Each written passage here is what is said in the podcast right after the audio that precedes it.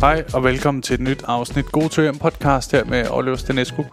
I dag har jeg haft besøg af Thomas Hartmann, stand-up komiker, manusforfatter, han har mange titler.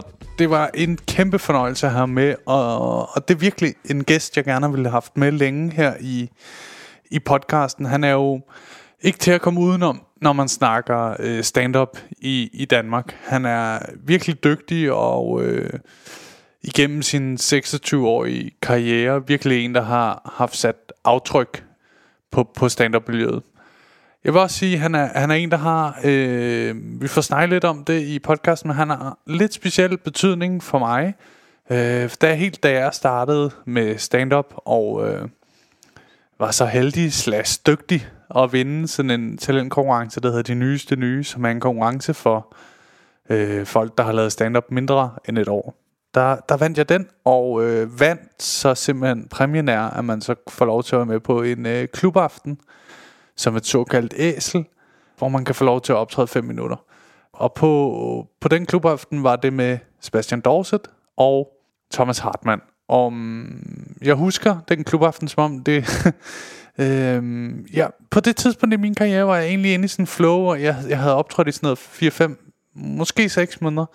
Og øh, begyndte at føle, at jeg var sådan holdt et vist niveau hver gang. Jeg kunne altid få folk til at grine. Øh, det var ikke fordi, jeg havde sådan sindssygt meget overskud, men jeg følte mig alligevel sådan, okay, jeg begyndte at forstå et eller andet her, ikke?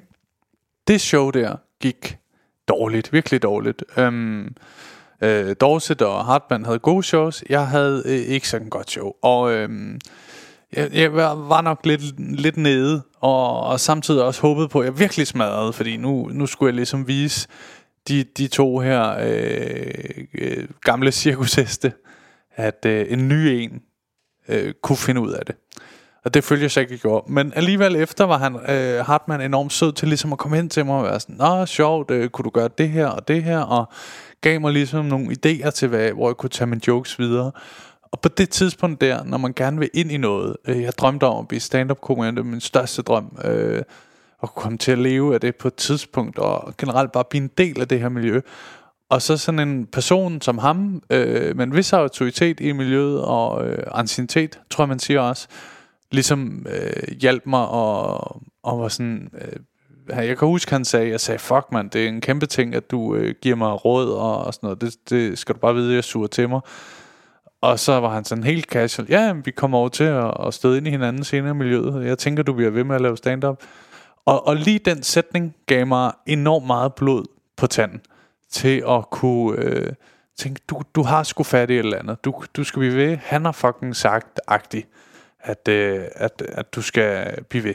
Øh, muligt jeg overfortolker. Vi snakker lidt om det i episoden. Øh, han kan huske det overraskende godt, hvilket chokerer mig lidt, for det er jo alligevel øh, fem, fem og et halvt år siden eller sådan noget. Ikke? Men øh, derudover får vi snakket meget i, i episoden her, selvfølgelig om, om Thomas og, øh, og hans karriere, og det er sjovt, fordi når jeg kigger på hans karriere, så synes jeg, at den er flot.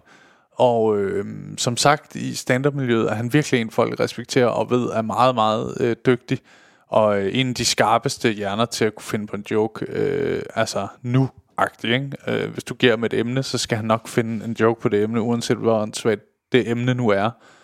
Men han har, det virker som om, at han i hvert fald har haft kæmpet med, måske lidt stadig, du ved, det der med, hvor, hvorfor bliver det ikke endnu større? Hvorfor blev han ikke vært på et eller andet tv-program? Hvorfor kommer han ikke op og sælge de der 50.000 plus billetter på sin tur? Det, det er jo lidt sjovt at høre, fordi de der tanker, han har, er jo også noget, man har i mit stadie, øh, bare på et andet niveau.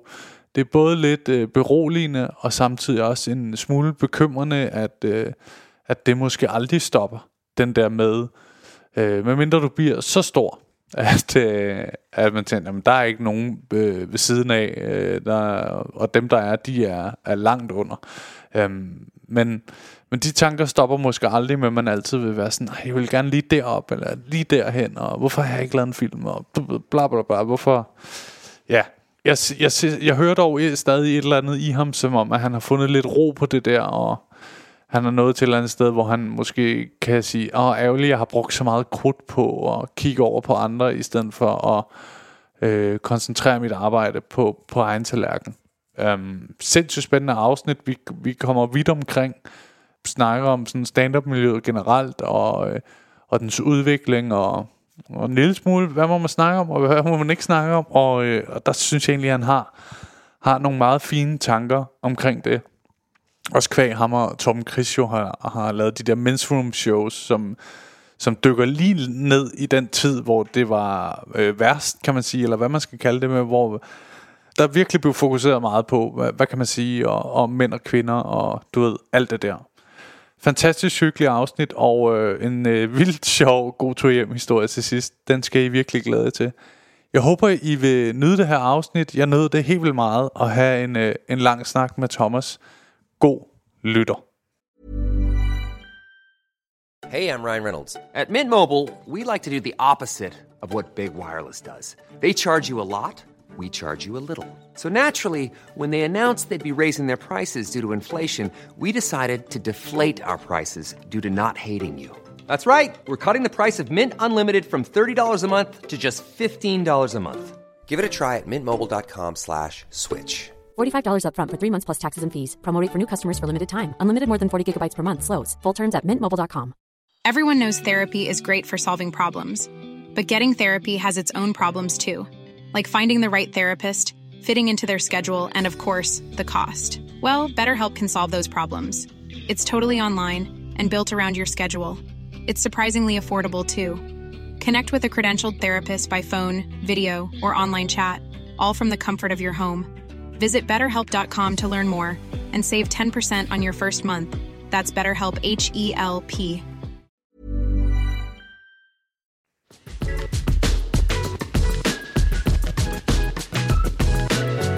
Velkommen til, Thomas. Tak skal du have, Her Oliver Stanesco. ja, Thomas Hartmann.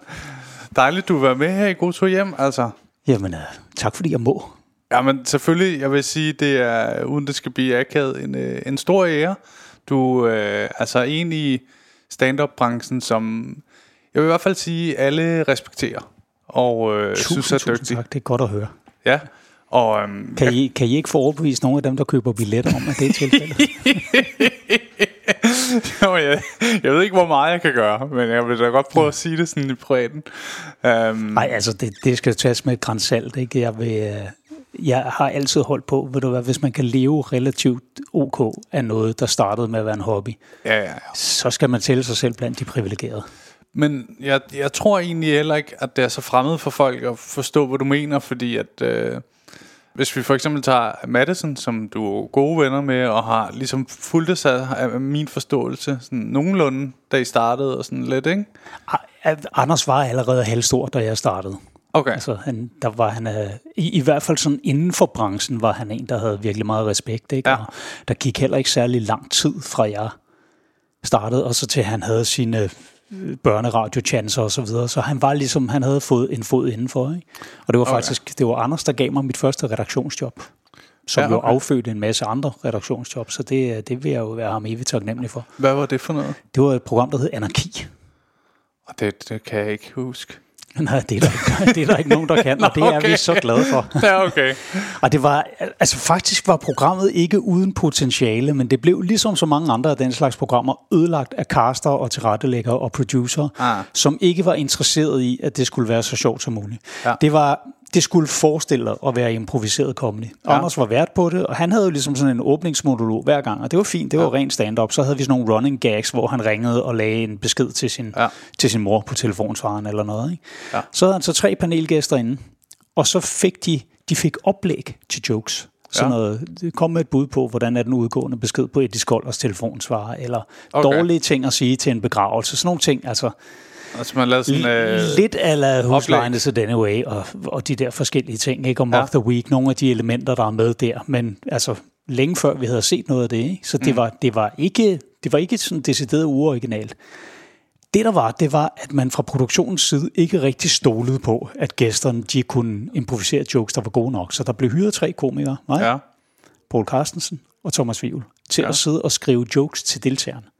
Og det er jo sådan en ting, jeg aldrig ville gøre i dag. Der vil jeg sige, prøv at høre, hvis, hvis, hvis I har tænkt jer at påstå over for seerne, at de står og improviserer det her, så kommer jeg ikke til at skrive det. Nej, så få Fordi nu sjove har der øh, bare, vind. der har været så mange programmer, som nærmest virkede, som om det var et forsøg på at få familien Danmark til at tro, at det vi laver er markant lettere, end det er. Ja, ja, ja. Altså tag bare sådan noget som Vild med Comedy, ikke? hvor øh, så siger de, og så skal Cecilie Fryg her helt alene på kun syv dage lave et helt comedy show helt Ja. selv. Ikke? Nej, nej, nej. Hun har ikke kun syv dage. Hun har en måned. Hun skal ja. ikke lave et helt show. Hun skal lave fem minutter, hvilket er mindre, end man plejer at lave på en open mic. Ja. Hun skal heller ikke lave det alene. Der er writer på, der sidder og hjælper dem og coacher dem med alt muligt andet godt. Og hvis det så går af helvede til, så bliver der lagt dåselatter på, eller de får et forsøg mere. Ikke? Altså det, det, den der introspeak er så langt fra den virkelighed, ja. ja. der finder sted. Det, det fede ved det program, det er, at Det vil også alle... være en sjov, lang introspeak, hvis man sagde det rigtigt, ikke? Ja.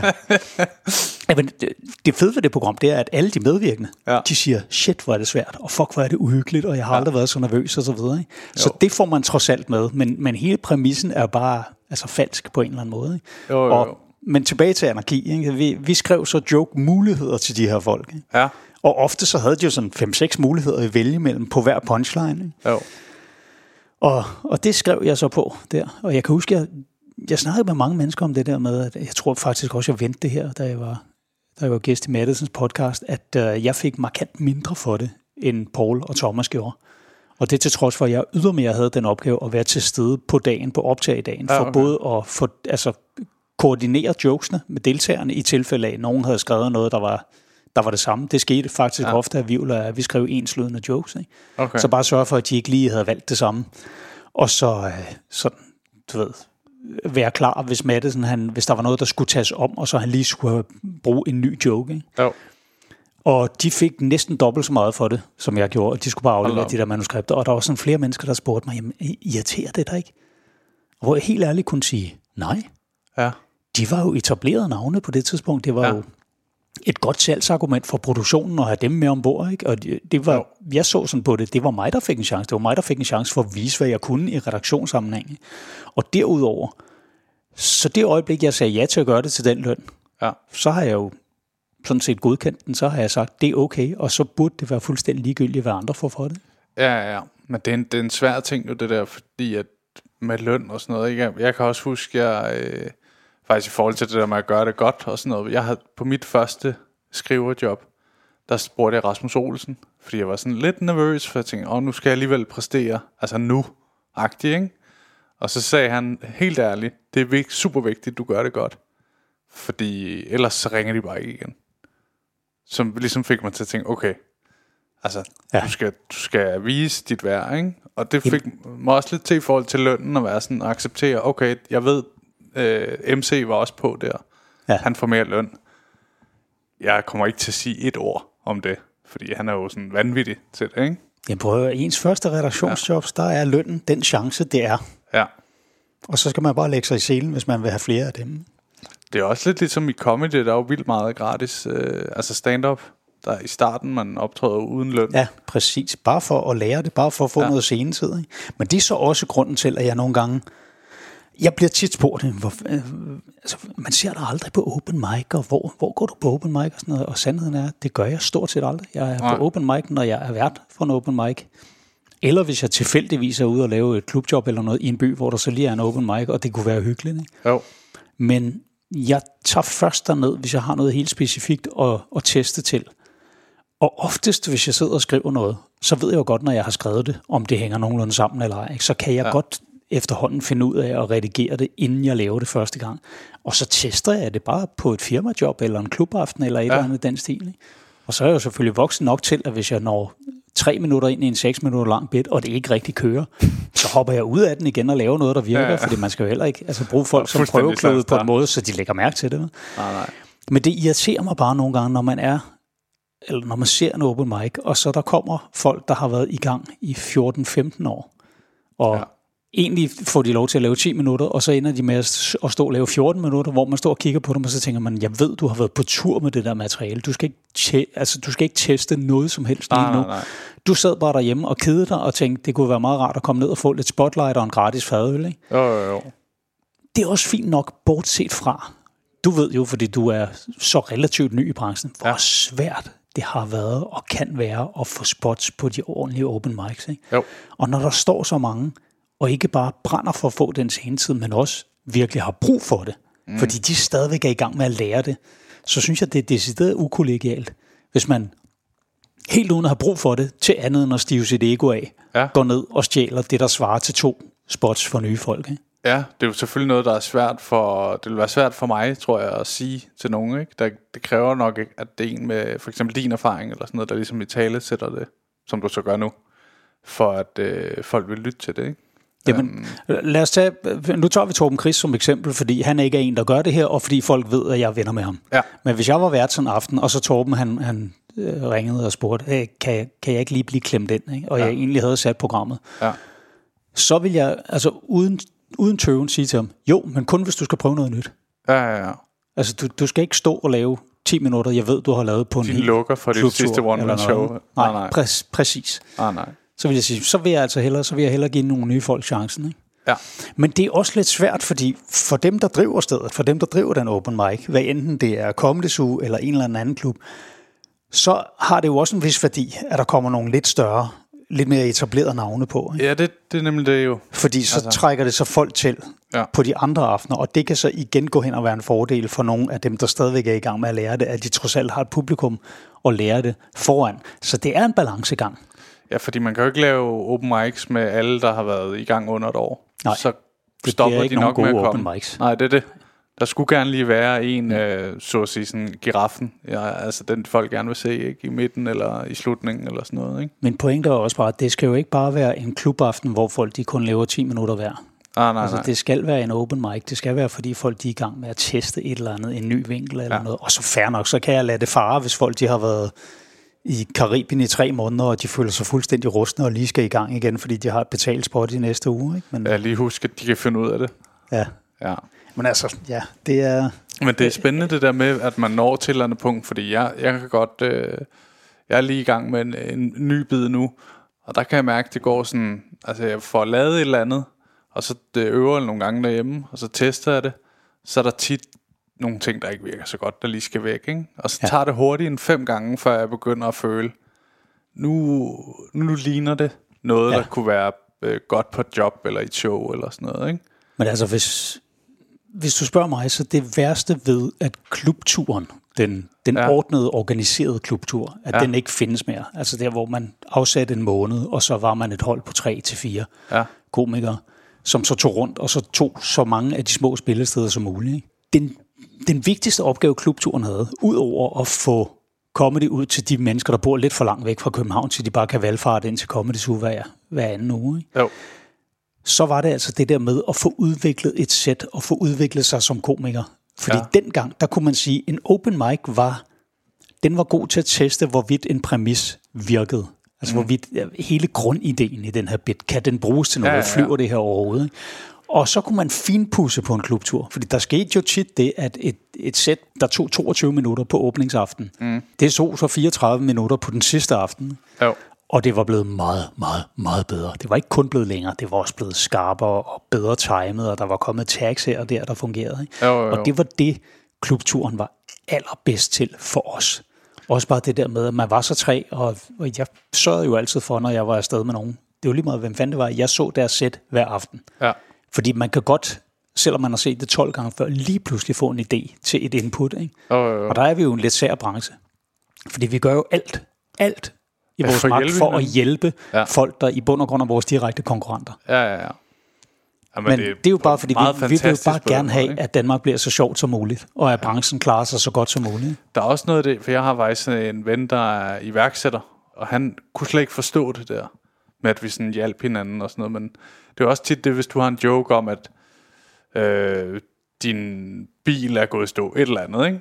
Og så jeg kan jo ikke bare tage det, altså jeg kan jo ikke øh, bruge det selv, så hvis jeg har en sjov, et sjovt tag på det, jamen hvis jeg ikke giver det, Så, så dør forsvinder det. den Så joke, dør bare, det så bare. den joke død, Ja, ja, og så er ja. verden blevet mindre sjov. ja, det er det. Ja. Ja, på den måde er det et utrolig fantastisk og inkluderende miljø. ikke? Ja. Men jeg har jo også oplevet, plus jeg har selv gjort det her, at jeg har haft sådan en one-liner, eller en eller anden Ja. ja. lille kort joke. Ikke? Og så er der pludselig nogen, der har haft sådan en, en helt lidt længere bit omkring det, mm. hvor jeg bare har tænkt, shit, den vil ligge godt der. Ikke? Og så Ja. ja. bare sagt, ved du hvad, det, tag den Her. her. Den, Ja. ja. den vil være god som lukker lige der. Ikke? Ja, okay. Det er også, så når det næsten også nye højder, vil jeg sige. At man sådan siger, jeg har en lille joke, der, der kunne blive endnu bedre over hos dig. Ja.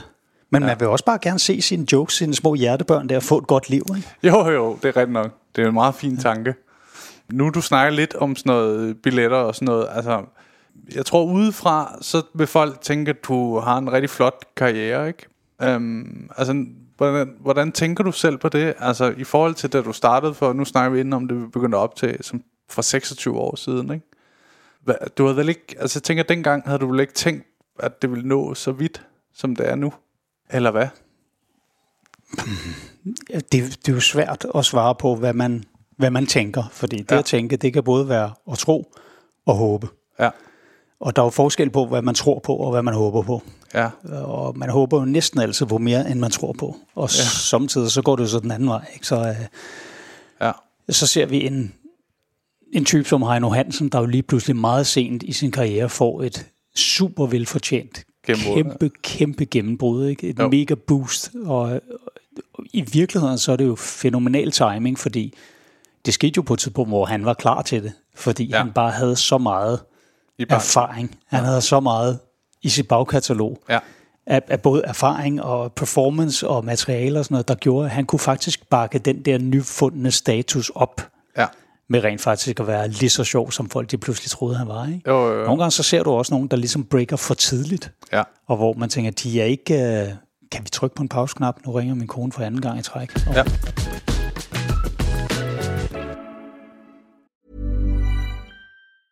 I'm Sandra, and I'm just the professional your small business was looking for. But you didn't hire me because you didn't use LinkedIn jobs. LinkedIn has professionals you can't find anywhere else, including those who aren't actively looking for a new job but might be open to the perfect role, like me. In a given month, over 70% of LinkedIn users don't visit other leading job sites. So if you're not looking on LinkedIn, you'll miss out on great candidates like Sandra. Start hiring professionals like a professional. Post your free job on linkedin.com/people today. Burrow is a furniture company known for timeless design and thoughtful construction and free shipping, and that extends to their outdoor collection. Their outdoor furniture is built to withstand the elements, featuring rust-proof stainless steel hardware, weather-ready teak, and quick-dry foam cushions. For Memorial Day, get 15% off your Burrow purchase at burrow.com slash ACAST and up to 25% off outdoor. That's up to 25% off outdoor furniture at burrow.com slash ACAST.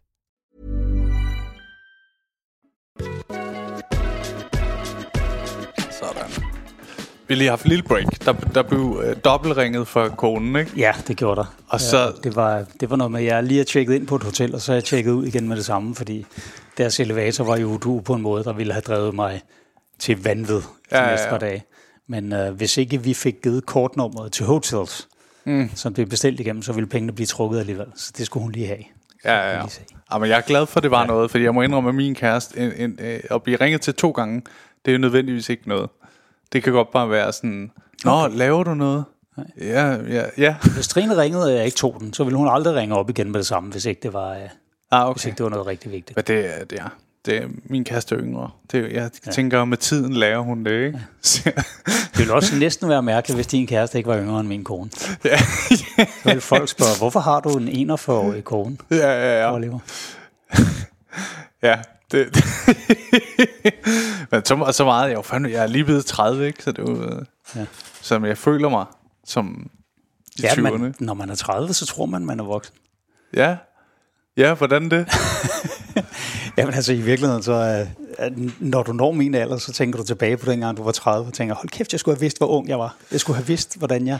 Men Ja. det gjorde man... Altså, da jeg var 30, tænkte jeg jo også på dengang, jeg var 14, og tænkte, hold kæft, jeg, altså, hvis bare jeg havde været klar over, hvordan min indlæringsevne den var. Ja. Ens hjerne er jo på stivuder, når man er 14-15 år gammel. Der kan, du- der kan Ja. ja. du sige, Nå, men jeg tror, jeg vil bruge den her sommerferie på at lære at spille guitar. Og så kan du det, når Ja, ja, ja. sommerferien er slut. Det er rigtigt. Altså, det, det, man kan jo ikke lære noget mere på et tidspunkt. Så. Nej, det er rigtigt. Hvis du sagde det nu til nogle af dine venner, jeg tror, jeg brugte sommerferien på at lære at spille guitar, så ville de sige, at Thomas er vist blevet deprimeret. Ja. vi skal nok lige være og omkring. dement. Ja, vi skal nok lige være omkring ham det næste stykke tid. Nå, men jeg tror, jeg tror da vi... Øh, Og så, så hvis jeg tilføjer, jeg, altså, jeg vil være mindst lige så god som Dan Andersen, så vil folk slappe af og sige, "Jamen, det klarer han inden for nu. ja, det var en Det helt jeg- unødvendig tilsvining af Dan. Det var, jeg tør heller ikke gå med på den. jeg, jeg lader have den og jeg selv. kan jo ikke spille guitar, jeg ved jo ikke, hvor god han er. Men, uh, Nej, nej, jeg ved faktisk heller ikke, hvor god det er. jo- Dan, han snyder jo lidt, ikke? Det er som om nogle gange, han, godt, han leger jo lidt med at være sådan lidt dårlig, ikke? Og nu, nu tror jeg måske også, at jeg bevæger mig ned i noget. Nej, nej, nej, det er sandt. Han har jo gjort, Ja. det, til, han har jo gjort det til hele sin stil, det der at være Ja. ja. den, den, der ikke kan finde ud af noget. Ikke? Jo, jo, jo, der er sådan... Det er også meget sjældent i hans bits, at han er den, der er ovenpå. Ja, det er rigtigt. Men han, han har sådan lidt den der goofy guy Ja. udstråling også, ikke? Ja. Nå, men jeg tror, vi fik snakket om, inden, øh, inden det blev Ja, opkaldet. vi var i gang med hele det der med, at der er forskel på, hvad man håber på, og hvad man tror på. Og, sådan noget. gennembrud og, og og hvis jeg skal være helt ærlig, jeg troede da på et tidspunkt relativt i min karriere, at det ville blive til mere. Ja.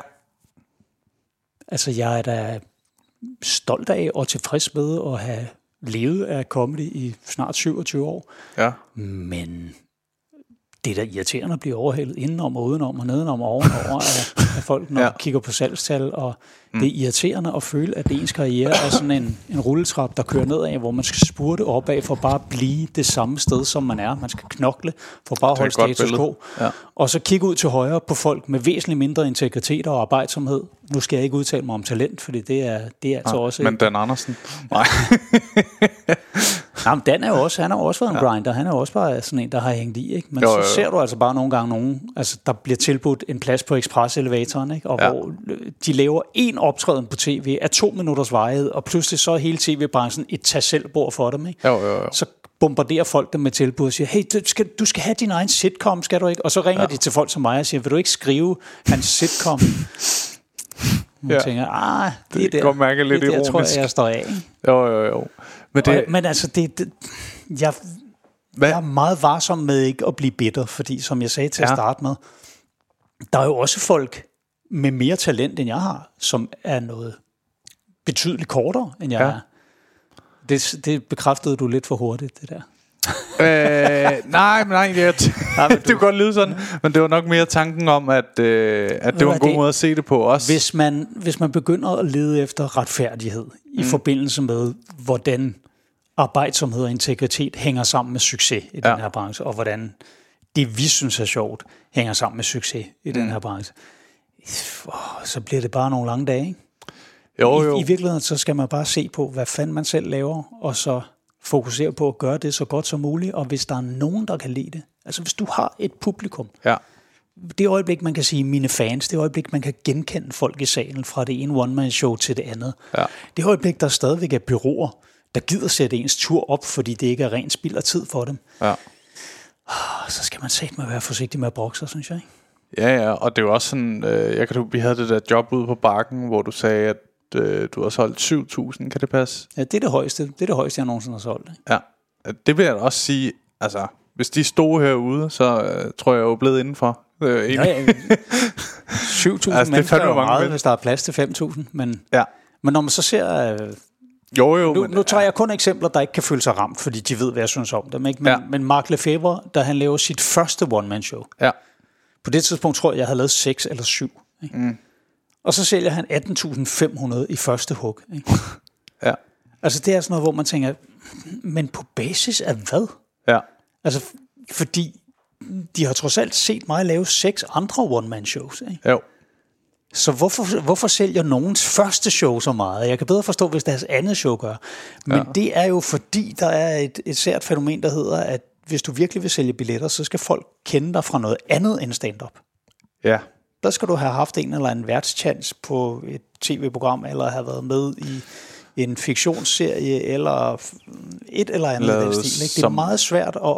Mark, selvom Mark øh, nærmest ikke vil snakke om det, så lavede han jo de der videoer på Facebook, ikke? der gik øh, viralt. Ja, Øh. øh, vil han nærmest ikke snakke om det? Nej, nej, det er en lidt sjov ting. Det skal du næsten prøve at spørge ham om. Jamen, jeg skal på job med ham i morgen. Jeg kommer Ja, til ja, at så stikke lidt prøv, til så ham. prøv at snakke med ham om de De der gode... jydemand. Du kan jo prøve at sige noget i stil med, at øh, hvad, hvad var det nu, de der videoer, der har sådan dannet bund for hele din karriere? Måske starte sætningen sådan. Men det, det er også noget mærkeligt noget, det der med at, at skamme sig over noget, man har lavet, uden at nogen har tvunget en til det.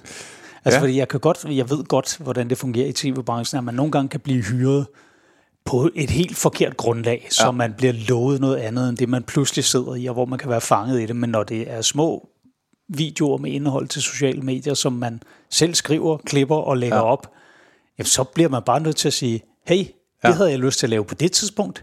Det er noget andet end mit stand-up, ikke? Altså, og, og folk kunne lide det, så fuck it. Det skal ja. han da ikke være. Det skal han da ikke skamme sig over. Nej, nej, det synes jeg heller ikke. Og han var jo total, øh, hvad hedder sådan noget, øh, first mover på, på ligesom at lave videoer, der gik viralt. Ikke? Efter ja. ham kom der jo virkelig mange, der Jeg grinede, der er flere af dem der, han lavede. Så. Ja, ja, det har jeg også gjort. Um, ja. ja, men uh, prøv at snakke med ham om det. Han ja. kan være lidt uh, sjov omkring det. Um, men hvad, hvad er sådan det, du sådan... Hvis, det er måske svært at svare på, men jeg har ret svært ved, eller ret nemt ved at sige, hvad jeg drømmer om. Uh, men i, din, i dit sted, hvad, hvad drømmer du om sådan herfra? Når du... Jeg drømmer om fraværet af bekymringer. Hvis, Ja, hvis okay. nogen kunne fortælle mig, at jeg bare kan blive ved som hidtil, Mm. så vil jeg være glad og tilfreds. Okay. Og, og, og bare nyde det, og bare nyde at være i det, fordi jeg har jo været igennem tiden lidt for fokuseret på, om der nu skete nok i forhold til andre, og i forhold Ja. til, hvad jeg synes, jeg lagde i det arbejde, og hvorfor, hvorfor var der nu endnu en comedy gala, hvor jeg egentlig havde haft et, synes jeg selv, ret godt one-man-show ude, men, men jeg ikke kunne blive nomineret. Ikke? Så ja. snakker man med folk, der har siddet i juryen og sagt, jamen jeg kæmpede virkelig for, at du skulle nomineres for det show, men øh, øh, der, der var nogen, der ikke ville have det, ikke? og hvor man tænker, Okay. okay. hvem fanden er det, der modarbejder. Ikke? Ja. Det har jeg brugt alt for meget tid og alt for meget energi på, og jeg vil ønske, at jeg kunne få den tid tilbage og bare nyde Ja. det, der trods alt er. Altså det, når jeg synes, jeg trænger til et wake-up call, så minder jeg mig selv om, at jeg lever relativt bekvemt af at lave noget, som andre drømmer om at få lov til at gøre gratis. Mm. Og så er man altså et utaknemmeligt skarn, hvis man, hvis man er ja. utilfreds med det. Ikke? Og, og jeg vil ønske, at jeg kunne få noget af den tid tilbage og bare vide, Ja. at jeg skulle fokusere på det gode ved det. Og det, vil- det vil ja. jeg gerne have. Det er jeg blevet meget bedre til de sidste fem år eller noget, har jeg bare egentlig ja. nyt, at jamen, jeg har rimelig mange fritimer i, i døgnet, og jeg er min egen chef, og jeg har fuld kreativ kontrol. Det er jo også det fede ved, at man aldrig har fået den der talkshow chance eller Ja. rollen i en sitcom eller noget. Det er, der er ikke nogen, medmindre jeg selv har sat et show op, så er der ikke nogen, der står og banker på min dør og minder mig om deadline, og der er ikke nogen, der skal læse og godkende mine ting. Nej, nej. Det, er, det er så meget fritid, man kan have. Det er så meget frihed, man kan have, uden at være arbejdsløs millionær. Ikke? Jo, jo, jo. Men det, det er da altså et kæmpe privilegium Ja. at have det sådan, ikke? Men til gengæld, så kan jeg jo godt nogle gange altså, bekymre mig om, hvad sker der overhovedet for branchen, og nu har vi jo heller aldrig rigtig set en 70-årig dansk stand-up-komiker før. Nej, nej, nej. Jo, altså, du kan regne Niels Havsgaard med, men det er en lidt anden stil Genberg og bliver lidt vel den andet første, publikum. ikke? Jo, jeg tror, Genberg bliver den første, Ja. der, der runder det hjørne. Ikke? Han er vel, øh, han er oppe i 60'erne, ikke? Jeg tror i hvert fald, han er tæt på. Ja, okay. Ja. Men det er sjovt. Har- Så du hans sidste show? Nej, Ja, jeg hørte, det, var- skulle være skide godt. Ja, det var det nemlig også. Ja. Øh, det var meget, fordi det, øh, jeg har nok lidt født ud af den tanke der, har jeg også tænkt, om kan vide, altså på et tidspunkt bliver man vel lidt gammel. Men, øh, Det gode men ved det, det er, at vores stadig. publikum er blevet ældre sammen med os. Ja, ja, det er rigtigt. Altså helt ja. ja. generelt er publikum til comedy, det er jo ikke teenager mere. Det var jo meget unge mennesker, dengang jeg startede. Der var ja. Ja. det meget ungt. Der var, det sådan, der var jeg faktisk allerede en lille smule gammel i forhold til mange i publikum. Ikke? Jeg Jo, jo, jo. debuterede som 26-årig. Ja. Øh, men der var så også nogen på min alder, og sådan lige et par år over. Altså, du og er de ikke... er jo blevet tilsvarende ældre, så nu er der jo nogen, ja. altså nogle af dem, der har fulgt med i det, jeg har lavet lige, lige siden starten, de er jo i starten af 60'erne nu. Jeg har været fuldt, fuldt der hele livet. Ja, ja, og jeg, ja. jeg oplevede på min sidste tur, der var en, der kom hen og præsenterede mig for sit barnebarn, han havde taget med ud og se, Nå, vildt. se Comedy Live første gang. Ikke? Ja. Altså, Men det er også, altså, ja, hvorfor tror du det er, at det ikke har været de der ting? Fordi, altså, har, du, har, der, været, har der været noget, altså jeg, inden jeg lavede stand, begyndte at lave stand-up, så så jeg dig og Madison som nærmest, ikke en duo, men så tæt på som muligt, uden at være det. Altså, I var sådan, man kunne næsten ikke sige det ene navn, uden at sige den anden. Hvis man godt kunne lide stand-up i hvert fald, ikke? det er der jo bare 198.000 mennesker per turné, der godt kan. men, men det er det, jeg lidt vil gå ned i, fordi... ja, okay, men så også andre. ja, ja, men altså, der, der er jo bare, jeg, jeg kan jo ikke bilde mig selv ind. Og, Tror du, og der har været faktisk- noget at stå i skyggen, at, at, der, der er blevet valgt lidt, og så har I været det par, hvor man så Nej, tænker, fordi "Nå, de har jo ikke valgt mellem ham og mig. Nej, okay. Og der er jo også mange andre, som de ikke har valgt. Der er, man må bare se i øjnene, Ja. at man i virkeligheden på et eller andet plan i det lange løb, får man måske, får man måske det, man fortjener. Og nogle gange ja. tænker jeg, jamen, det kan jo godt være, at jeg bare ikke er bedre. Ja, Det kan godt være, at jeg bare... der sagde jeg også det lidt her, hurtigt, jeg ja. hører til. Ikke? Jo. Ja, men det er jo, Men en- det er jo ikke ja. kun et spørgsmål om, hvor god man er. Og, og i øvrigt, så det, hvor god man er, det er jo heller ikke en statisk tilstand. Det er jo ikke et punkt på en graf, Ah, nej, der hedder, nej. så god er Oliver Stanescu. Nej. Du kan have perioder, hvor du lige mangler inspiration, og hvor du mangler ja. lidt energi, og hvor der er lidt meget i privatlivet, der fylder. Ikke? Jo. Og så kan du have perioder, hvor det bare flyder fra dine fingerspidser med jokes, ikke? og du Jo. er ovenpå, og, og din performance er god, og du er inde i en god stime med hensyn til levering. Altså alt. Ja. Du, du bevæger dig også rundt inden for et område. Det eneste, der er given fra starten, det er dit medfødte naturtalent for det. Ja. Så kan du og andre nære det.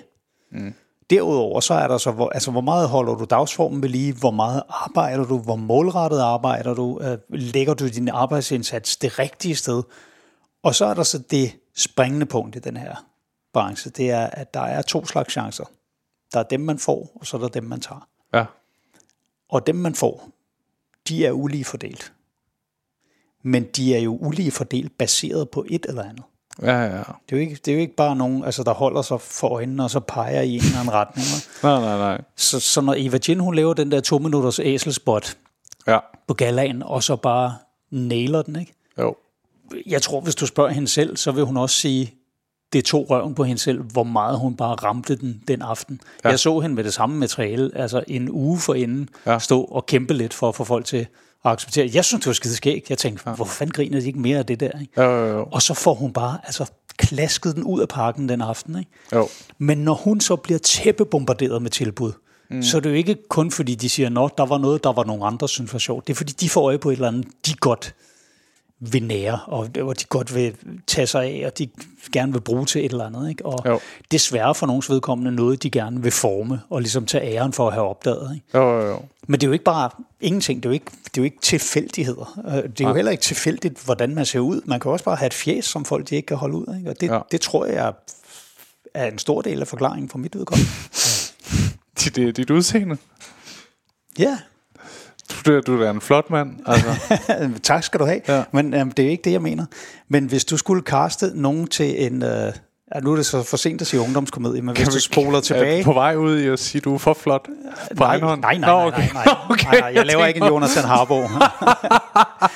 Jeg tænkte, hvor er det her på vej hen? Nej, men hvis, hvis jeg for øh, 40 år siden skulle have været med i en amerikansk ungdomskomedie, Ja. så havde jeg jo været den kvindelige hovedpersons douchey kæreste, hvis forældre havde penge, og, og, og som kørte i en smart sportsvogn, som man ikke var særlig god til at køre i. Ikke? Fuldstændig. Og så ville der være en lidt, mere, en, en lidt anden type, som så viste sig at være den der good guy, der overtog hende til sidst, ikke? når hun indså, ja. hvor dumt det svin jeg var. Ikke? Jo, jo, jo. Og det er bare det look, jeg har. Ja. Altså hvis du skulle kaste nogen til at være en sådan lidt nævnyttig nazi-officer, ikke? i den danske comedybranche, ja, ja, ja. så vil du sige, hvor ung skal han være, og så havde ja. du mig og Andrea at vælge imellem. det er rigtigt. Men det er rigtigt, det betyder noget. Jeg, jeg kan også huske, der er nogen, der sådan nogle gange har nævnt sådan noget, øh, at, du har, at, at du har været så god til at skrive og levere, at nogle gange har lyttet nærmest mekanisk, ikke? Men sådan lyder det også, når jeg taler. Det, det er fuldstændig... Du kan ja, spole tilbage og høre det her. Du skal så ikke spole tilbage, når det er en Ej, computer, lad men du kommer ikke til at høre mig sige øh. Nej, nej, nej. Fordi det gør jeg ikke. Nej. Det er ikke en del af mit sprog. Og jeg har tit hørt den der med, at det lyder indstuderet, men det er sådan, jeg taler. Ja. Ja. Men det sjove er også, efterhånden som folk de har hørt mig tale væk fra scenen, Ja. så de der stemmer også forstummet. Folk de siger det ikke på samme måde mere, fordi de har Nej. indset, jamen, min levering er ret naturlig, fordi den lyder ret meget, som jeg nogle gange lyder. Ikke? Jo, jo, jo. Jeg kan også huske, at jeg har talt med Fuglendorf om det, ikke? at han havde hørt flere mennesker sige, at altså, Hartmann improviserer jo aldrig. Ja. Og hvor Fuglendorf han har sagt, jo, det gør han. Det ja. lyder bare som færdige jokes, når han gør det. Ja, ja, ja. Og derfor opdager I ikke, at det er improvet. Ja, Og for det er jeg jo virkelig glad for, at han siger, og at han lægger mærke til det. Ikke? Jo. Og det er jo en af grundene til, at jeg elsker at lave Brian Mørk Show live. Ja. Fordi der ved folk i publikum, jamen altså, det her, det kommer bare ud af Fedt, ingenting. hvis folk stadig var sådan, jamen Hartmanns, det har I jo skrevet, ikke? ja, men det er også fordi Fuglendorf er jo totalt i den anden grøft. Han står, øh, og nogle gange virker det som om, selvom han så faktisk ved, at han skal sige, at han nærmest ikke engang er klar over, hvad fanden der skal ske, ikke? Altså, Christian er eminent til ja. at få alting til at lyde, som om det opstår her og nu. Ja, ja, ja. Og det er ikke kun et spørgsmål om hans sådan, timing og stemmeføring. Han gør også noget med mimikken, hvor han trækker sådan et lille skævt smil og ser ud som om, at åh, ah, det skulle jeg ikke have sagt. Det Ja, her." ja, ja, ja. Han er forrygende dygtig til det. ja bestemt. Altså, det er, Christian er jo på den rigtige dag min favoritkomiker. Ja. Jeg tror, jeg tror, der er mange, der har det sådan Ja. med ham. Ja. Og det, ja, det kan da være to forskellige den rigtige dag. Fordi øh, min kone og jeg, vi har, vi har faktisk rigtig meget, rigtig, i vid udstrækning fælles smag inden for comedy. Ja. Hvilket er en ret god ting, fordi hvis der er en ting, der får mig til at tabe respekten for folk, så er det, hvis de, hvis de kan lide dårlig musik eller dårlig comedy. Ja, ja, ja. Og nu siger jeg dårligt. Nu siger jeg ikke bare noget, jeg ikke kan lide. For der er jo en kvantificerbar forskel. Det er også en dum diskussion, den der, man altid skal have. Du kan ikke sige, det er dårligt. Det- Du kan sige, du synes, det er dårligt, eller du ikke kan lide. Ja. Nej, nej, nej. Der er noget, der er dårligt. Der Ja. er noget, der er bedre end andet. Sådan helt objektivt set, og det er jo derfor, du hyrer komikere til at sidde i dommerpanelet, når der skal være DM, og du ikke bare går ud på gangen og siger, hey Pedel, dig og Ja, ja, ja. Rosa nede fra køkkenet, gider du ikke lige? Når der går en bankdirektør, lad os få ham ind. Ja. Du tager jo altid nogen. Du tager jo heller ikke bare tilfældige mennesker ind og være x-faktor-dommer. Det er jo folk, der har baggrund i musik og ved noget om det osv. Fordi Klart. der er noget, der er bedre end andet. Ja. Og der er det kræver et øje for potentiale. Det kræver et øje for de der små uskrevne regler, om de bliver altså, brudt eller fuldt, eller hvordan det er. Ikke? Jo. Så det er jo ikke et spørgsmål om, altså hvi- hvis min kone havde haft en anden smag, end jeg havde, hvis hun kunne lide noget, jeg godt kunne se var godt, men som ikke lige var mig, mm. så ville det være fint. Men hvis hun eksempelvis var stor fan af Gabriel Iglesias, så er jeg ikke sikker på, at vi nogensinde havde været på date nummer to. Jo, det havde jeg, fordi hun er virkelig smuk. Men Ja, altså, det kan man godt lide. Gabriel, det er fint nok, hvis man er smuk. Det er lige, eller hvad? ja, ja, der, men det kræver altså virkelig et, uh, et højt niveau af skønhed. ja, ja jo, jo, jo. Det vil ja. sige, det er fint nok nu, men når du passerer 40, må du ikke være fan af ham længere, medmindre han er blevet markant bedre. Eller du har holdt dig virkelig godt. Det er sådan overmiddel Ja. godt. Ja, ja. Ja, men det var, det var det, jeg ville sige. Det var, at hun og jeg, vi har en fælles nydelse i at se Christian, når han bliver sur på sit publikum. ja. Fordi hvis han får sagt et eller andet, og han kan mærke, at folk de sådan bliver forarvet, så bliver han jo virkelig irritabel. Ikke? Og så Jo. beslutter han sig jo bare for, nå okay, så I synes ikke om fat jokes. Ja. Fair nok, nu laver jeg lige 40 minutter længere, end jeg havde planlagt, og det bliver udelukkende fat jokes. Ikke? Jo, jo, jo. Det er det, det er det sjoveste show, Trine og jeg, vi kan se. Det er Christian, der er sur på sit publikum. Men det er også, jeg synes også, han gør det på en, øh, en charmerende måde faktisk. Der, jeg kan huske på et tidspunkt, han har sådan gået på nogen, der, der blev støtte, eller synes, det var for meget et eller andet. Hvor han gik ind i sådan en snak om, hvad, hvad er det, der er grunden til, at du står af? Og så faktisk ende med at få et eller andet ret sjovt ud af. Og ligesom finde Ja. ud af, hvor det var. Og så dykke ned i, hvad er det egentlig, jeg har sagt? Og så være sådan, så du kan, det kan du ikke have støtte over jo. Den, altså, har, jeg, den har jeg også taget med, med Ja. publikum en gang på scenen, der, Ja. hvor jeg simpelthen sagde, fortæl mig lige, hvorfor du blev, altså hvorfor Ja. du sad og rystede på hovedet og sagde hår, hår til det der. Ja. Fordi jeg refererede til noget frygteligt, ja, men jeg refererede til det som noget frygteligt. Ja. Jeg refererede til det med behørig respekt for, og i øvrigt helt uden at nævne offrene, uden at forklejne deres tab eller noget. Jeg brugte det som et eksempel mm. på noget redselsvækkende. Ja. Hvorfor er jeg skurken? Ja. Det ville da være langt værre, hvis jeg sagde, Nå, det der øh, holocaust-pjat der, hvorfor tager I det så seriøst? Altså, Ja, ja. nu var det ikke lige det emne, men Nej, det, var, det er lukkeren på dit sidste show. hvorfor går I så højt op i holocaust? Ny comedy-tur 2024. Men det er jo, det, hvordan har du det sådan, har, har du tænkt over noget i, der er jo kommet lidt en reaktion på sådan, som kulturen har ændret sig, ikke, i hvad man må sige og hvad man ikke må sige. Jeg synes ikke, det er så slemt i comedy. Men, Der, der er kommet en modreaktion, vil jeg sige. Ja, ja, ja. Fordi der... Det blev meget aktuelt for Torben Chris og mig, da vi ja. skulle rundt med Mention 4 her. Vi blev spurgt af rigtig mange journalister sådan, Nå, men kan man godt det? Ja. I, uh, jeg tror, vi endte jo med at debutere i 2021, fordi det skulle have været 2020, men så corona. Corona, og alt det der. Kan man det nu i 2021? Kan man sådan noget med mænd og kvinder? og sådan noget? Ja. Hvor vi jo bare måtte sige, ja, det var værre, da vi lavede nummer tre. Ja. Der var det meget værre, fordi der var det noget helt nyt, det der med, at man skulle blive forarvet, og hele tiden, nej, kan jeg nu blive forarvet over det her? Fordi hvis jeg er den første, der får øje på noget, der er galt, så er jeg bedre end de andre. Ikke? Jo, jo, jo. Altså, om, hvor man bare tænker, hvorfor gider folk bruge så meget energi på at gøre deres eget og andres liv mindre sjovt? Ja. Fordi en ting er, hvis de ikke kan lide det, hvis de synes, det er ubehageligt, så kan de trække sig fra det. Men det der med at ville have det elimineret, det med at ville have det fjernet fra jordens overflade. Ja. Nu siger jeg det som det er. Jeg synes, Wafande laver noget af det mest redselsvækkende musik, du overhovedet kan udtale. Men jeg kan jo godt se, når han optræder på en festival, ja. at det jeg... Altså, der er mange andre, der er uenige med mig, og synes, det er pragtfuldt. Men ikke, ikke Trine. Nej, Hun står der ikke. heldigvis. Nej, nej. Men så tænker jeg, jamen så lad ham spille det, og ja. dem lytte til det. Og så sidder jeg herhjemme i min have og drikker en øl, Ja. mens den festival står på. Der, der er der ikke en promille af mig, der har noget som helst ønske om at få ham stoppet. Og tage det fra både ham og dem. Nej. Jeg forstår ikke den der drift, folk de har med, når nu lavede du en joke, der ikke, der ikke altså, det brød jeg mig ikke om. Ja, ja. Så skal Comedy Zoo lukkes, eller boykottes, hvis de sætter dig på plakaten. Eller sådan. Altså, mm. folk er jo, folk overvurderer fuldstændig deres egen betydning i andre menneskers verdenshistorie. Ja. Og, og i verdenshistorien i det hele taget, hvor man tænker, altså, kalde for helvede, dine følelser er mig fuldstændigt inderligt ligegyldige. Ja, ja, ja. Og jeg har et princip, der hedder, jeg skal nok sige undskyld, den dag jeg selv synes, jeg har gået over stregen. Den dag jeg selv synes, jeg har sagt noget, der var for meget eller for hårdt. Men jeg skal kraftedeme mig ikke undskylde, fordi nogen andre synes det.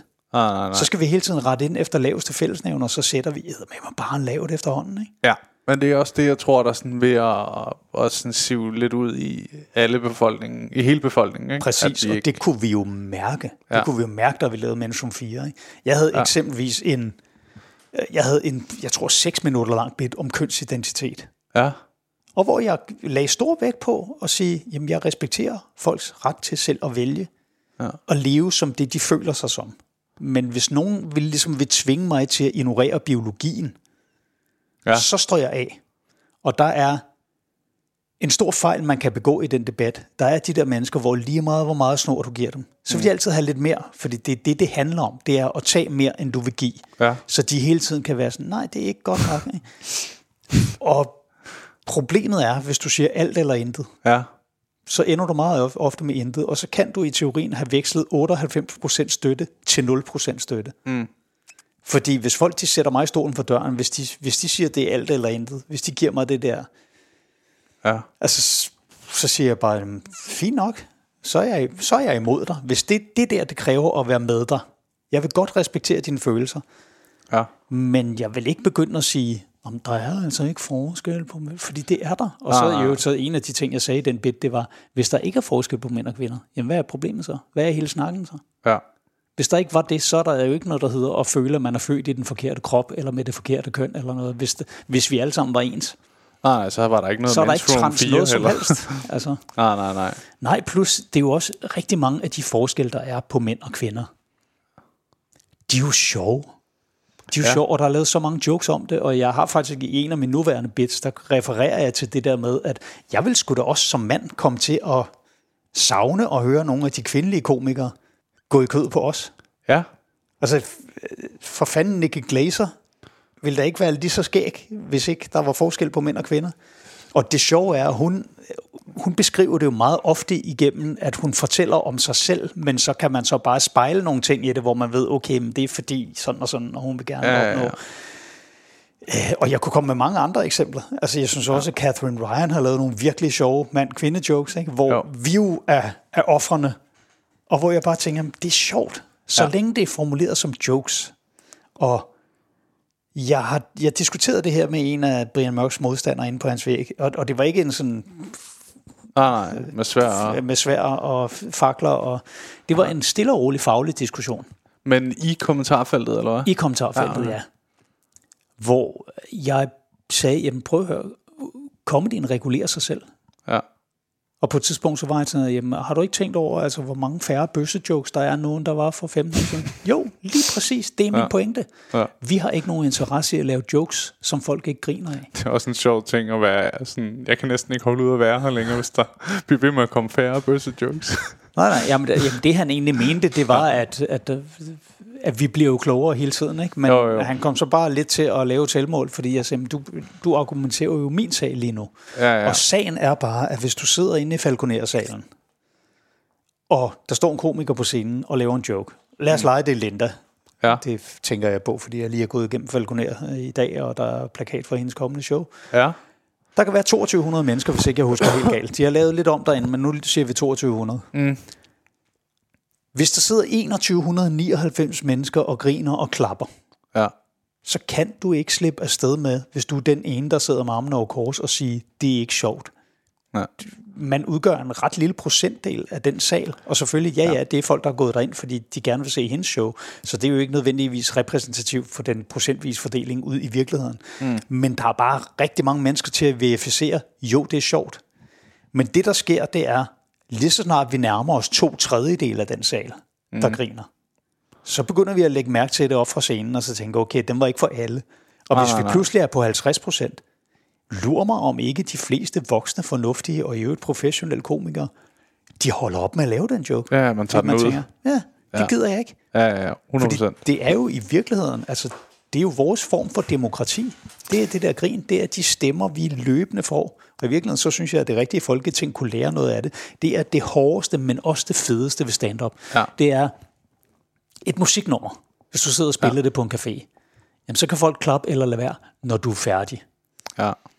Hvis du laver et kunstskøjteløbernummer, så får du karakter, når du er færdig. Hvis du laver et dansenummer, får du karakter, når du er færdig. Hvis du afleverer en eksamen, så får du karakter, når du er færdig. Ja. Vi får løbende karakterer hele vejen igennem showet. Ja. Folk sidder konstant og giver deres mening til kende med klap og grin, og det betyder, at alle i salen ved, hvad alle andre i salen synes lige nu. Ja. Det svarer til, at de sad med de der nummerskilte, og så sagde, ah, det er en 4, den der, den, det kan du godt gøre. Det er en 8, så er der en det- godt lavet, ikke? Det er en 9, det der. Det der, det er kun 3, ikke? Ja. Og hvis nogen pludselig bare sidder og holder op med at holde skiltene op, ikke? ja. så er vi enige om, så er det måske ikke Jeg en var, god joke jeg var været ude på sådan en open mic, øh, hvor jeg også prøvede at forklare, forklare publikum det der med, at øh, I, I styrer det jo. Så I, altså, hvis I er nogle pikhoveder, så kan I i pausen snakke sammen, og så blive enige om at grine af det, der ikke er sjovt. Og så vil den komiker tage den joke med hjem og tro, at den er sjov. Og så kommer han til at lave den på et firmajob, og så mister han sit job, og Ja, man skal nok være gammel mobber eller sådan noget for at hygge sig med det. Men bare for ligesom at give dem forståelsen af, I har hele den her magt, ikke? Som jeg synes er ret sjovt i tale til det der med, at de skal virkelig... Øh, altså, det er jo deres skrin, der, som du taler fuldstændig ned, ikke? Der er stemmen, ikke? Ja, Ja. Øhm, men vi bliver løbende evalueret. Mm. Og, og det, er, det er den evaluering, der tæller. Det er den, vi oplever ude på klubberne. Ja. Og inde på Comedy Zoo, og ude på de firmaer, vi bliver hyret til, og festivaler osv. Den tæller så uendelig meget mere, end et eller andet kommentarspor på Facebook gør. Og de mennesker, der sidder og kommenterer inde på Facebook, de bliver nødt til at indse, at deres mening ikke er vigtigere for os. Mm. Fordi de taler fra et sted, hvor de slet ikke ønsker os noget godt, rigtig mange af dem. De Ja. taler fra et sted, hvor de i det hele taget, når de begynder at sige, at komikere er sådan og sådan, og stand-up er sådan og sådan, så tænker man, du har allerede mistet min respekt. ja, klart. Jeg skal ikke udtale mig om, hvordan musikere er. Jeg kan, jeg kan udtale mig om et enkelt band, hvis jeg kender noget til. Ja. Men jeg kan jo ikke bare sidde og skære dem alle sammen over en kamp. Vi er alle sammen forskellige mennesker. Vi har i øvrigt også alle sammen følelser. Vi går ret højt op i det, vi laver. Og det der med, når folk de bare skriver sådan en besked midt om natten til, jeg hader dig, jeg har lovet alle mine venner, og hvis jeg nogensinde ser dig, så smadrer jeg dig. Man bare tænker, fair nok, men hvor kommer det derfra? Altså, hvor Ja. kommer behovet fra Ja. for at gøre mig opmærksom på det? Ja. Men, øh, ja, men der, er- jeg Øh, men, men rigtig mange af dem nu, altså nu nævnte jeg Brian Mørks Facebook-væg, ikke? Ja. Der har jo også været nogle af dem der, der bare har besluttet sig for, at vi alle sammen er nogle Ja. misogyne, kvindehederne svin, og det er virkelig spøjst, fordi det er jo en af de brancher, hvor der er 100% lige, ligeløn for mand og kvinde. ja. Der er nøjagtigt det samme forhold. Faktisk så, og det her, der, der er flere af de kvindelige komikere, der vil bekræfte mig i det her. Ja. Der er nærmest lidt bedre arbejdsforhold for dem. Mm. Fordi hvis man forsøger at lave en ikke helt 50-50, men tæt på 50-50 fordeling af nogen, som i virkeligheden er fordelt 90-10, fordi der ja. er bare flere mænd og drenge, der har lyst til at lave stand-up. Ja. Og derfor er der flere mænd og drenge, for hvem det lykkes. Ja. Og hvis du kigger på sådan noget som revygenren, eller, eller sangerbranchen eller noget, jamen der er det, der er det måske den omvendte, ikke? Jo, jo, jo. Altså inden for revy, der tror jeg, at kvinderne de er stærkt overrepræsenteret. Jamen, jeg sad også lige og tænkte på sådan noget... Øh, Men, men på den måde kan det, hvis du, hvis du passer dit arbejde og gør det godt nok, det skal du så også gøre, men ja. hvis du er en god kvindelig komiker, jamen så har du bedre forhold end en lige så god mandlig komiker, som tingene de står lige nu. Og det tror jeg ikke, der er nogen af os, der har noget problem med, fordi vi vil hellere end nogen andre have de der fjolser til at holde kæft med. Kællinger kan ikke være sjove. Ja. Vi gider hverken høre på dem, eller dem, der siger, hvorfor er der ikke flere kvinder på plakaten? Ja. Fordi vi har spurgt alle dem, der var, og det er kun ja. Ja. de fire der, der har sagt ja.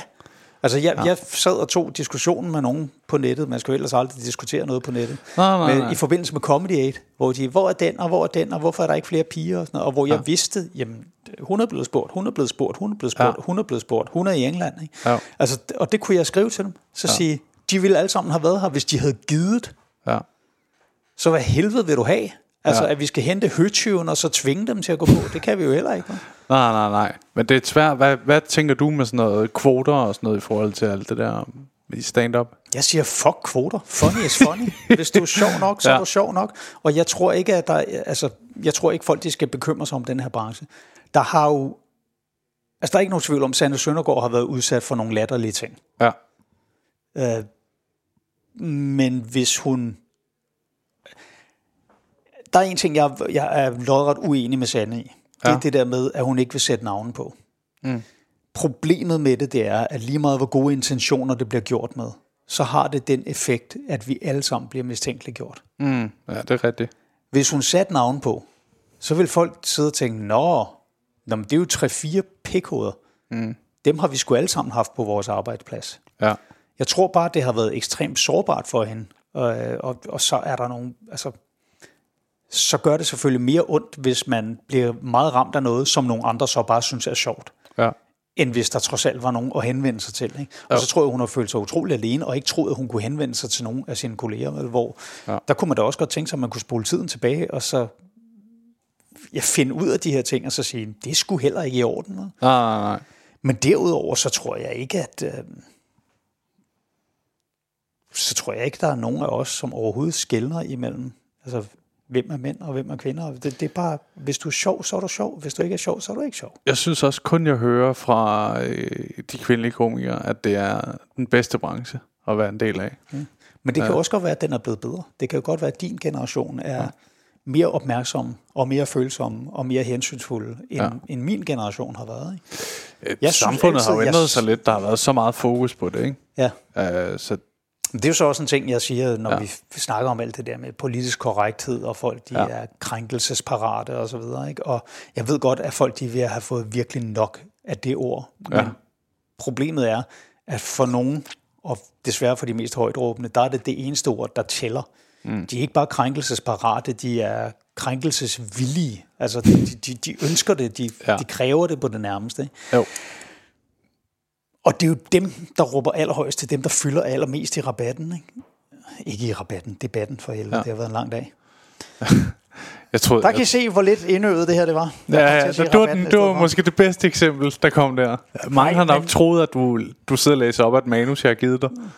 Min pointe er bare, at jeg tror ikke, det har været usundt. Det tror jeg også, jeg sagde, da jeg var i comedy-kontoret for et lille stykke tid siden. Jeg tror ikke, det har været usundt, at vi er blevet tvunget til lige at tænke en lille smule over, Nej. hvad vi siger.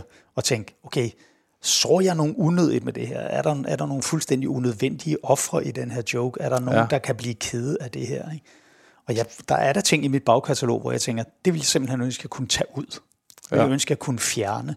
Fordi der var nogle aspekter af det, jeg ikke tænkte over dengang. Jeg sagde. Ja, ja, men det kan man ikke. Altså, det kan man ikke. Du, Nej, kan ikke. du kan ikke skrue tiden tilbage. Det er også derfor, det er så åndssvagt at dømme folk. Altså efter, efter nutidens målestok, og dømme dem for noget, der blev sagt for 10-15 år siden, fordi standarden var bare en anden. Mm. Altså der var, der var flere ting, man syntes, man kunne slippe afsted med. Ikke? Jo, jo, jo. Og Det Der værste ville være, hvis man ikke blev klogere. Altså, ja, det præcis. Ville være, det ville altså, da være meget værre. Ikke? Jo, hvis man bare sad fast i det, mens hele samfundet rykkede sig. Men når det så er sagt, så som sagt, det er, jeg tror det er meget sundt, vi har været tvunget til lige at tænke lidt over, hvad vi, hvad vi sagde. Men nu har vi også tænkt over det, og nu behøver I andre ikke tænke over det mere.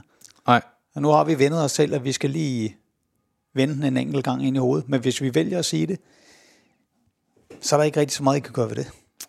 nej, nej, nej. Ja, det er i hvert fald øh, en spændende snak. Den har også været op mange gange i den her podcast. Sådan det der. Ja, det, det, I forhold til, synes jeg, var godt moderne øh, stand-up-branchen klarer sig, er det virkelig noget, stand-up-branchen tænker meget over. Sådan synes jeg. Selvfølgelig, vi har, ikke, vi har ikke lyst til at begå selvmord. Nej, nej, det er det.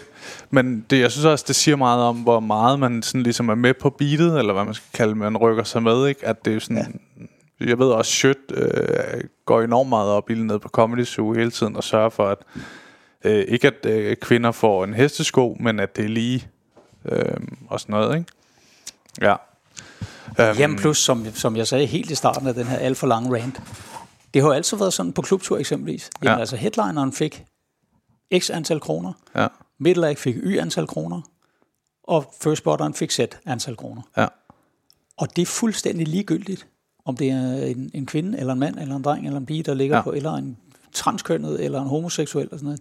Mm. Det spot, det stykke arbejde, giver den løn, lige meget Ja. hvilket køn du har. Og det, sådan har det aldrig været. Mm.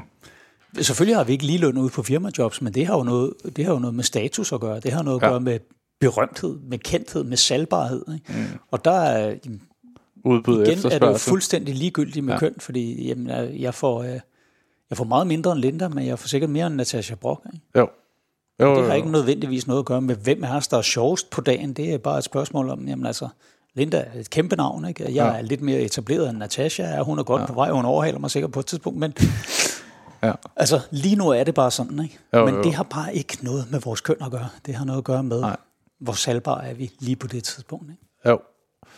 Kan, kan du huske første gang, vi øh, snakkede sammen? Øh, ja, det har været ude på... Øh, det har været ude i Vandløs på det der Nå, vildt. Vildt, ja. Ja, jeg Du var... havde en, øh, en, en skovmandskjort på, kan jeg huske. Okay, stærkt. Det, Jeg husker stort set alt.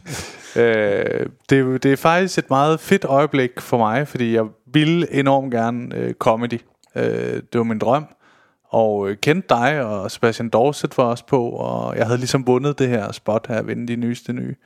Og optrådt, og jeg husker faktisk, som om det gik ikke så godt.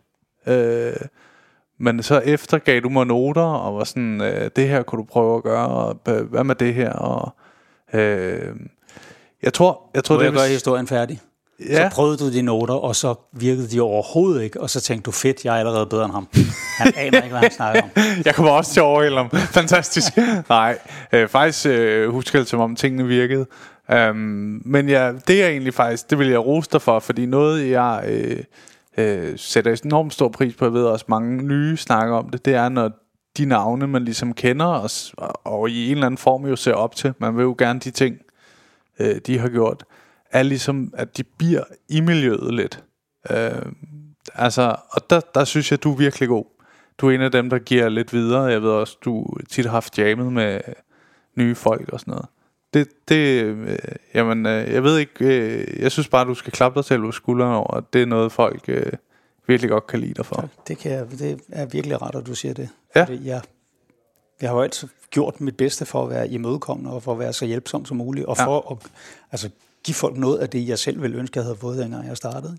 Ja. Og det er rart, at folk de tænker over det, og det er også rart, at det bliver sagt i et forum som det her, fordi jeg tror jo nogle gange, at det harmonerer ret dårligt med de almindelige, almindelige danskers opfattelse af mig. Fordi min stil på scenen er sådan lidt mere autoritær. Ikke? Jeg tror ikke, de forbinder mig med noget venligt og imødekommende. Nej. Men, øh, Ej, det, det, det synes jeg måske lyder lidt hårdt. Men øh, ja, det, det er måske også en lidt forældet ting, jeg, jeg selv hænger fast i, fordi min stil tror har jeg jo også lidt. ændret sig. Ja. Altså, Ja. hvis du ser på Hartmann X kontra kærlighed, ikke? Ja. mit nummer to kontra mit altså, sidste kærlighed nummer. er jo mit øh, yndlings Hartmann show. Åh, oh, tak skal du have. Ja, det er... øh, Ja, men jeg har også en, øh, hvad vil jeg sige, en sokker for, når det også må gøre lidt ondt, samtidig med, altså det, balancen mellem at græde og grine kan være i takt på en eller anden måde. Ikke? Ja. At man, der både er noget, hvor man tænker, det, det er fandme en stor ting, og samtidig så er man ved at dø af grin. Ikke? Og det synes jeg, det show havde. Så det var meget flot. Min, min egen favorit blandt egne shows, det er nok science fiction, men det er fordi, ja. det, er, det, det er så meget mig. Altså de der lidt nørdede facts og Ja. den comedy omkring dem. Og Og, så, beta- og så var det virkelig svært at skrive science fiction, tro det eller ej. Øh, Og i virkeligheden, så skulle man jo, man skulle jo nærmest tro, at det var det, der var lettest at skrive, fordi Ja. du kunne finde alverdens websites med, her er nogle sjove facts om frøer, her er nogle sjove facts om bjørner. Ja. Men jeg havde lavet en regel, der hed, jeg skal kunne følge det op med nogle jokes, der er sjovere end selve præmissen. Ja. Fordi ellers så kunne jeg jo lige så godt bare give folk et link. Altså hvis de Ja. bare kunne læse noget, så hvis der var et udgivet nyt show, eller, eller link. Han har sendt en link. Det er et link. Han står og læser links op på scenen, og I skal prøve at følge dem til. det er virkelig godt. Simpelthen så. Men du forstår godt, hvad jeg mener. Ja. Ja. Det Jo, der jo, med, jo. at hvis, hvis man fortæller et, noget om den australske maverugerpade, Ja. ja. som man har læst på nettet. Ja. Hvis ikke jeg tilføjer noget, der er minimum lige så sjovt, Ja, så kunne folk lige så godt selv have læst det. Fuldstændig. Og så har jeg ikke skrevet det show. nej, nej, nej. Og derfor var der virkelig mange utrolig skægge ting, jeg blev nødt til at kassere, fordi jeg simpelthen ikke var i stand til at toppe det ja. med jokes. Ikke? Og omvendt så tog jeg også nogle ting med, hvor jeg tænkte, det er ikke så skægt i sig selv, men når først jeg gør det her ved det, så bliver det til en comedy bit. Ikke? Jo, jo, jo. Ja, det har været en fornøjelse at have dig med. Øhm, har du nogen historie på falderevet, vi snakker om? Jamen, som fiaskohistorie, jamen, jeg har faktisk lige kommet på en undervejs. Er det? Er, og den er relativt frisk. Ja, Jeg lavede jo en videoserie på et tidspunkt på, på min Facebook-side, der hedder Ja. ja. Mit værste job, hvor jeg fik forskellige komikere til at fortælle om deres værste job. Ja, ja. Og der fortalte jeg selv, altså mit værste job var jo, det er jo på sin vis også mit bedste job, fordi det er jo den bedste historie, jeg har fra mit arbejde. Har- ikke? Og der var, der var sågar historie. nogen, der skrev i kommentaren, ah, det er vist en røver, det der. Ikke? Og det lyder, det lyder vildt som en historie, hvor der bliver smurt super tyk på. Ja. Der var ingen grund til at smøre tyk på. Det var en absurd aften. Ikke? Og selvfølgelig tænker jeg lidt på det, hvor jeg tænker, jeg kan jo ikke bare fortælle den historie igen. Og så gik det lige op for mig, jeg har en, der er mindre end et par år gammel, og som på sin vis var meget, meget værre. Da corona ramte, ja, der blev vi jo skudt godt og vel. ja. Altså, i Ja, branchen havde det hårdt. lægemsdele, ikke? Jo. Branchen havde det rimelig hårdt, fordi vi lever jo i bund og grund af, at folk de mødes i store forsamlinger. Ikke? Jo, jo, jo. Og jeg var på det tidspunkt medejer af SU, så jeg var jo dobbelt hårdt ramt. Ja. Jeg var jo både klubejer med en himmelhøj Ja, så- husleje, der jo Så din egen virksomhed gik dårligt, men ja. også den, du var en del af. Ja. Ja, Men øh, det værste var det der med ikke at kunne komme ud og optræde. Og så begyndte der sådan at gå rygter om, at, man, at folk var blevet spurgt om online shows. Ikke? Og jeg tror faktisk nærmest, jeg var den første til at sige ja. Fordi ja. jeg bare tænkte, det, det er ufedt, men det er federe end ikke at arbejde overhovedet. Og hvis det er det, vi har arbejdet med, plus man vidste ikke, hvor lang tid kommer det her til at stå på. Ikke? jo, jo, jo. Så jeg tænkte, jo hurtigere man kommer i gang med det her, desto bedre kan man nå at blive til det. Ikke? Mm. Og Torben Chris og jeg, vi lurede jo så på et tidspunkt, at når vi var to om at lave de her shows, så Ja. blev det uendelig meget bedre. Ja. Fordi man trods alt, altså så stod vi ved siden af hinanden, så var der noget liv der, så kunne, så kunne man respondere lidt Så på hinanden, og han kunne lidt, sige, ja ja Hartmann, nu kan jeg godt se på dig, at du tænker, men det er fordi du ikke selv har børn. Ja. Og det I skal vide, det er, at så det blev utrolig meget mere dynamisk. Ja, Og vi fik knækket koden, og vi fik lavet virkelig mange af, af de der shows. Vi kom rigtig godt igennem coronaen, fordi vi bare accepterede, at det var det, vi havde arbejdet med. Ikke? Jo. Men vi blev så også lidt klogere hen ad vejen, fordi til at starte med, der gav vi jo vores kontaktpersoner på de her, om det så var Teams, eller Skype, eller ja. Zoom, eller hvad det var, ikke? gav vi dem besked på, I skal lige finde 10-12 mennesker, der skal have mikrofonen åben. Ja. Ja. Vi, var- vi var ret hurtigt klar over, det nytter ikke noget, at alle har mikrofonerne åbne, fordi det bliver. Ikke? ja, ja, ja. Men jeg Men så prøvede det selv. Vi, ja. ja, så kan vi høre dem grine. Og nok så vigtigt, så kan de høre hinanden grine. Ja. Så de stadigvæk føler til deres virtuelle fredagsbar, at de laver noget sammen. Ikke? Mm. Og det synes vi så var skide godt. Ikke? Men problemet er jo så, at eksempelvis Microsoft Teams har jo sat den funktion, at hvis der sker noget på lydsiden eller på billedsiden på en af kanalerne, Ja. så blæser den det op i stort. Ikke? Jo. Så hvis Mogens fra regnskab, han kom til at grine og banke i bordet, så lige pludselig, så fyldte han hele billedet. og det der med, at der var 10-12 mennesker, der havde deres mikrofoner åbne, det svarede altså til, at vi bare random delte 12 mikrofoner ud Ja, ja, ja, ned ja. på Zoo.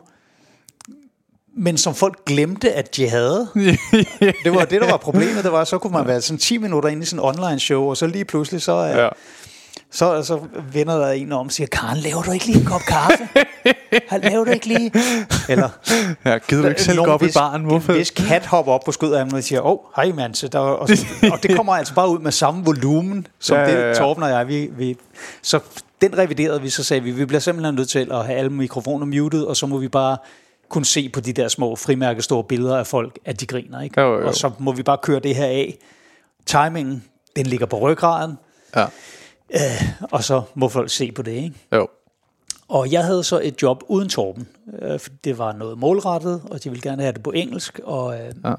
og jeg sagde, "Nå, men altså, jeg får som regel et, et tillæg, hvis jeg optræder på engelsk, og jeg får et, et tillæg, hvis jeg laver noget målrettet. Og i virkeligheden så har jeg slet ikke lyst, fordi det bliver aldrig lige så sjovt, Nej. som de ting, vi selv har haft lyst til at skrive noget på, og Ah. som vi har haft mulighed for at pusse af på jobs og sidde og... Ja, open Men- mics og alt det der, ikke? Men de, var, de var villige til at give lidt ekstra, og på det tidspunkt, ja, der ved du, jobbene hang jo ikke på træerne. Nej. Så jeg briefede dem om det her med alle mikrofoner muted, og jeg øh, forberedte det her. Jeg skrev det målrettet på engelsk, og Ja. ja. vi går i gang med showet. Og jeg står så bare og kigger, og jeg gør mig meget umage med at kigge ind i webcam. Ja. Fordi for det første, hvis man kigger ned på skærmen, og så de der folk ikke grinede, så var det altid sådan lidt, øh, ja. hvor man tænker, hvad fanden er der nu galt? Ikke? Og man vidste ikke, hvor, hvor laggy er det her, kan de overhovedet se mig og høre mig? Ja. Men hvad værre er, så, så sidder de jo og kigger på en, der ikke kigger på dem. Ja, ja, ja. Så jeg stod og kiggede ind i det der webcam, og så laver jeg, jeg tror, 18-20 minutters målrettet materiale på engelsk, ikke? og siger tak, og så klikker jeg af. Mm. Og så da jeg øh, tager min, mikrofon, eller min telefon, så har jeg så x antal ubesvaret opkald Ja, fra arrangøren, ham der var min kontaktperson. ja. Og jeg ringer så til ham, og der er så optaget. Der, men de er jo også i gang med... Eller, Ja, ja. Og, nå, okay. Jamen, De har så, online så arrangement, lavede jo. jeg et andet online arrangement, og så øh, får jeg så en besked fra ham om, at øh, de havde jo ikke kunnet høre, hvad jeg sagde. Fordi alle mikrofoner skulle være muted. Så den, der ligesom havde oprettet det her Teams-møde, havde jo bare trykket mute all. Og jeg vidste det jo ikke, fordi jeg stod og kiggede ind i mit webcam, ikke? Og jeg havde, ja. indstød, altså jeg havde, jeg havde øvet det her materiale, så jeg ikke ja. skulle stå, men jeg havde alligevel lige nogle stikord stående, så okay, jeg skal lige huske det der med, de laver chokolade og sådan noget, ikke? Jeg havde jo bare stået og liret 18-20 minutters målrettet engelsk materiale af, og ham der gutten, han havde forsøgt at ringe til mig, men fordi jeg var i gang med et show, så Ja, havde ja. jeg jo sat min telefon på lydløs, ikke? Han havde ringet Det er kun til, Trine, der kom igennem der. Så skal hun ringe to gange.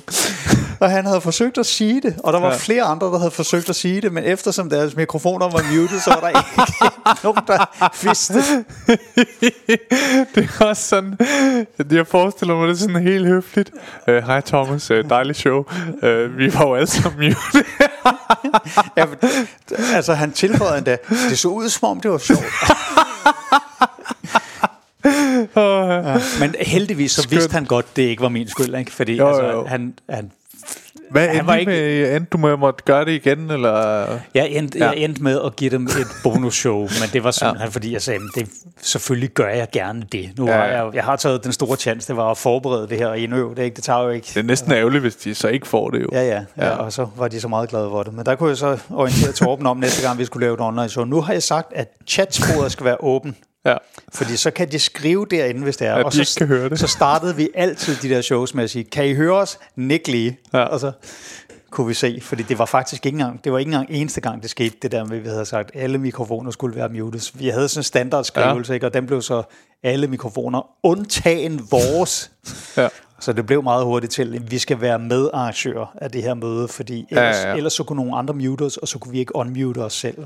Det er også bare... Altså, hold kæft, det er sejt, de fik det til at fungere. Men øh, hold kæft, hvor er det også dejligt, det ikke er sådan, det skal være. ja, det er altså. det altså.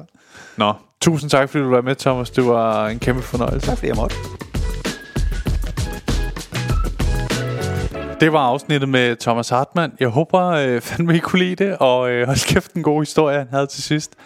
Det var virkelig en kæmpe fornøjelse, han havde lyst, og øh, jamen, øh, jeg håber jo bare, I bliver ved med at lytte med. Tusind tak, fordi I lyttede med til det her afsnit. God tur hjem.